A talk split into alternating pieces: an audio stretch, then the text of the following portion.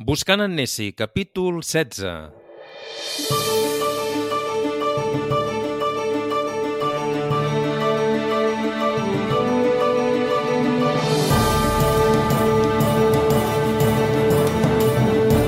Això és Buscant en Nessie, el podcast on parlem d'Escòcia, dels seus paisatges, els seus costums i tradicions i de la seva gent. Jo sóc Pere Andreu Geriot i m'acompanya, com sempre, el meu germà, en Santi Geriot. Santi, bon dia i bona hora. Bon dia. Abans de parlar del capítol d'avui, m'agradaria agrair els comentaris que anem rebent de gent que ens segueix fidelment cada setmana. És el cas de la Mercè, el David, el Jaume, l'Àlex, la Carme, l'Anna, la Mari o el Jordi. I també els missatges que vam rebre ara fa uns dies a través del blog, del formulari del blog, un blog que teniu a l'adreça buscanannessi.wordpress.com. Allà ens van escriure tant la Carme com l'Andreu i ens feien una sèrie de propostes de temes per a futurs programes, per altres capítols de Buscant en Nessi. Ens els hem apuntat i alguna cosa farem, oi, Santi? Sí, i tant, i tant. En tot cas, moltes gràcies per participar i per fer-nos arribar aquests comentaris. Això sempre en, ens anima a seguir, oi, Santi? No estem sols. No, no estem sols. Bé, anem pel tema? Va, anem-hi. Vostè dirà. Molt bé. Eh, sempre pregunto als escocesos per què aquest país eh, tan petit i sempre hi ha hagut tants científics, tants eh, enginyers, eh, inventors, i em contesten eh, que és que està als eh, nostres gens, és que ens ve per naturalesa, és que com que plou tant i ens quedem a casa i no parem de donar voltes, a fer coses, aquest és molt probable, o com que bevem l'aigua tan bona ens manté la ment desperta.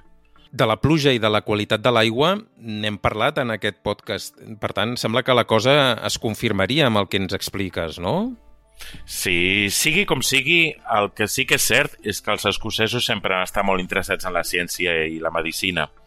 Per posar-te un exemple, eh, cap al finals del 1700, el 85% dels metges del Regne Unit eren escocesos i calculant que Escòcia és aproximadament un 8% de la població global de tot el Regne Unit, és molt. I tant. O sigui, dit d'una altra manera, 8 de cada 10 metges al segle XVIII eren d'origen escocès. Efectivament. I parlant de metges i de científics, abans de seguir, i ja us avanço que avui no parlaré d'Alexander Fleming, el descobridor de la penicilina, perquè aquest personatge li dedicarem un capítol segurament el dia que parli de personatges cèlebres d'Escòcia. Avui, bàsicament, volia parlar sobretot d'invencions, invents que, malgrat són d'ús diari o molt comuns a la nostra societat, que rarament associaríem a Escòcia. Per tant, avui la cosa va d'invents, invents i inventors. Això mateix. I començo parlant de, de Dunlop, que segur que per molts dels que ens escolten és sinònim de pneumàtics o de les pilotes de tennis. El que potser no sabíeu és que el pneumàtic que trobeu en cada bicicleta o en cada cotxe va ser inventat per un escocès. El nom que hi ha darrere del famós pneumàtic, Dunlop, és de John Boy Dunlop, que va néixer a Ayrshire. Ayrshire, on és això? Ayrshire és un comtat al centre d'Escòcia. Dunlop era, en realitat, veterinari d'ofici i molt bo, segons sembla, però es va fer famós pels intents de fabricar eh, pneumàtics pel tricicle del seu fill. I, de fet, aquell invent de Dunlop va interessar un grup de ciclistes que de seguida van començar a guanyar curses i així l'èxit del disseny es va estendre ràpidament. I de quin any estem parlant? Doncs del 1887. Va, un altre invent. Tu saps què és un termo, oi? Un termo, sí, home, és aquella mena de recipient, com una ampolla, no?, que manté les begudes calentes. És això, no? Exacte. Bé, calentes o fredes. També serveix per conservar la frescor dels líquids. Aquí a Escòcia és molt popular i en altres països, de fet, les cistelles de pícnic no serien les mateixes sense el termo. Doncs bé, va ser inventat l'any 1892 per Sir James Dewar. Sorprenentment, el bo d'en James, el bo d'en James, sembla un canut aquí, el Boden James. De fet, a mi em recordes més el Jordi Rovirosa. Dues icones del periodisme esportiu català, per cert. Continuï, continuï, senyor Geriot. Bé, doncs el Boden James es va topar amb l'invent mentre es treballava al camp de la criogènica, que és una branca que estudia com produir temperatures molt baixes. Per tant, tot i que el termo l'associem a la llar, en el fons va revolucionar el món científic i es va convertir de seguida en una eina molt important pels experiments de química. La Mercè, que és una de les nostres oients més fidels, oi, Santi? Sí, tant. La tieta? Doncs la tieta Mercè sempre ens envia un comentari de cada capítol. Ho fa de manera privada, m'envia un missatge, però més o menys ve dir sempre el mateix. Això sí, ho diu de maneres diferents. Cada setmana diu que aprèn alguna cosa nova i t'he de confessar, Santi, que, que a mi també em passa. Sí, sí, sí, a mi també. Eh, seguim? Seguim, seguim. Bé, si fa un moment parlàvem del termo, que és un invent que neix del món de la química, ara us porto un invent d'un dels pares de la física moderna, James Clerk Maxwell. Maxwell és un dels grans físics de la història, al costat d'altres noms més coneguts com Newton o Einstein, però és que, a més, va ser el responsable de la primera fotografia en color. De quan parlem? Això és finals del segle XIX, no? Bé, bé, no tant al final. L'any 1855 va introduir el procés dels tres colors en la fotografia i pocs anys després mentre feia una conferència sobre un tema que no tenia cap relació amb aquesta història, amb la fotografia, va mostrar als assistents la fotografia en color. I saps què hi havia en aquella imatge? M'imagino que alguna cosa relacionada amb Escòcia, no? Doncs sí, un llacet tartan, el típic teixit escocès. De fet, el tartan va sortir en un dels primers capítols de Buscant en Nessie, em sembla que era el capítol 5, allà on parlàvem del quil, oi? efectivament. Doncs eh, fins ara hem parlat del pneumàtic, del termo i de la primera fotografia en color. I ara parlarem del caixer automàtic. Caram, quin canvi. També és, és cosa d'un escocès, el caixer automàtic? Efectivament. Um, anar al caixer automàtic, a treure diners, ara és la cosa més natural del món, però no sempre ha estat així. L'any 1966, un escocès anomenat eh, James Goodfellow, de Paisley, va inventar el primer caixer automàtic i també el sistema del PIN, el còdic numèric secret per accedir al compte corrent i treure calés. I abans que m'ho preguntis, Paisley és on hi ha l'aeroport de Glasgow, una mica com passa al Prat, que fa les funcions d'aeroport de Barcelona. Però a mi no em sona aquest nom. L'aeroport de Glasgow, almenys quan nosaltres hem vingut fins aquí, no era Presswick? Bé, Presswick era el de l'aeroport de low cost, és com si diguéssim el de Girona, que la gent venia a Barcelona però a través de Girona, o sigui, la gent venia a Glasgow a través de Prestwick, però l'aeroport de Glasgow és el de Paisley. Bé, tornem al tema del caixer automàtic.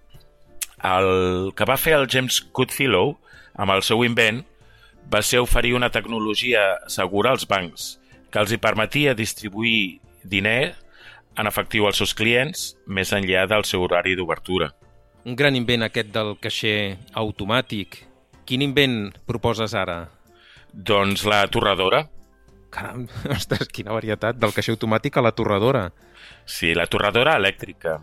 La propera vegada que quan et llevis et posis una llesca de pa a la torradora, pensa en el senyor Alec McMasters. Ell va ser l'inventor de la primera torradora elèctrica. El Mac de McMasters jo l'associava més a Irlanda que no pas a Escòcia.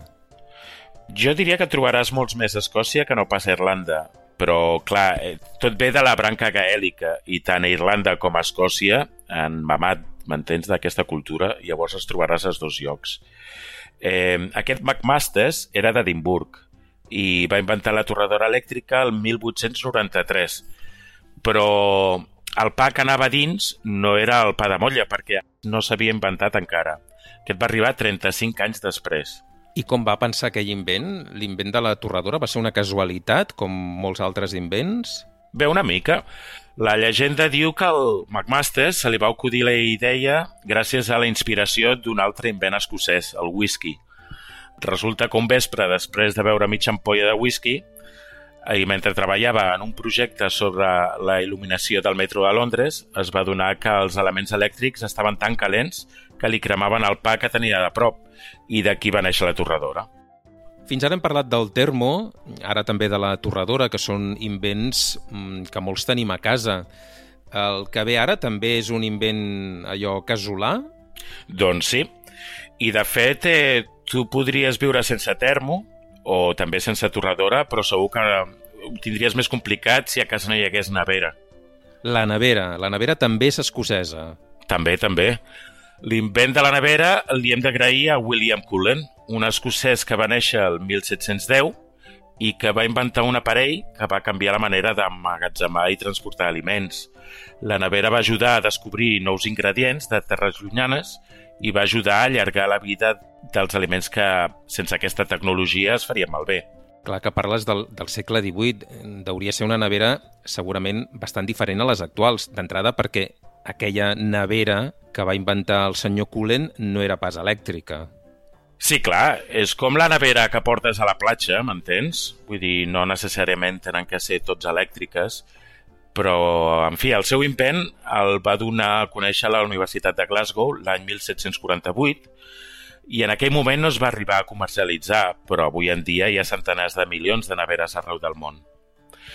I et sona el Graham Bell? Bé, em sona Graham Bell. Potser és una manera incorrecta de dir-ho, no? Però sí, sí, em sona. Sí, de fet es pronuncia Graham, malgrat tothom diu Graham, però eh, correctament es diu Graham. De fet, és l'inventor del telèfon, oi? El que no sabia és que era escocès, em pensava que era nord-americà. Bé, de fet, es va nacionalitzar dels Estats Units i era mentre vivia allà que va inventar el telèfon. Bell, per cert, recordo que en anglès vol dir campana o també timbre.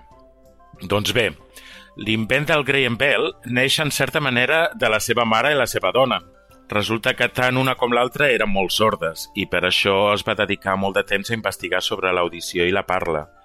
I aquell estudi el va portar a experimentar més endavant amb diversos dispositius fins que l'any 1876 obtenia la patent del primer telèfon. Recordo que en aquella primera trucada va dir alguna cosa així com eh, vingui aquí, vingui, que el vull veure, no? Era alguna així? Sí, de fet, eh, la trucada la va fer a casa seva, a Boston, i de l'altra banda del fil telefònic hi havia el seu assistent, el Thomas Watson. La conversa deia exactament Mr. Watson, come here, I want to see you. Vol dir, senyor Watson, vingui aquí que el vull veure. El més curiós del cas és que després Graham Bell va considerar que el telèfon era una molèstia i una intrusió al seu treball diari. Per això es va negar a tenir-ne un al, al seu estudi. La veritat és que li dono la raó, perquè el telèfon pot ser molt empipador, sobretot si necessites tranquil·litat i, i concentració. Veig que el senyor Bell ja ho va tenir clar de seguida, això de, de les trucades molestes. Sí, encara que no el trucaven per vendre coses, com fan ara. Eh, encara ens queden alguns. Què et sembla? Fem una segona part la setmana que ve? Doncs potser sí, no? Doncs ja està dit.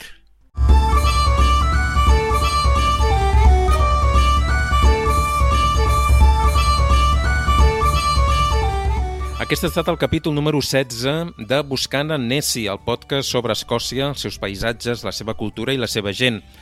Aquest i la resta de capítols els trobaràs a Spotify, a YouTube, a Apple, Google, Evox, Spreaker i en altres plataformes. Si t'ha agradat, si plau, comparteix-lo. Fes-lo arribar a qui vulguis, a qui pensis que li pot interessar. I també ens pots contactar a través del correu electrònic per comentar-nos qualsevol cosa sobre el podcast o sobre Escòcia. L'adreça és buscantanesi.gmail.com Santi, moltes gràcies, una abraçada i fins la setmana que ve. Cheerio! Però el Nessi realment existeix?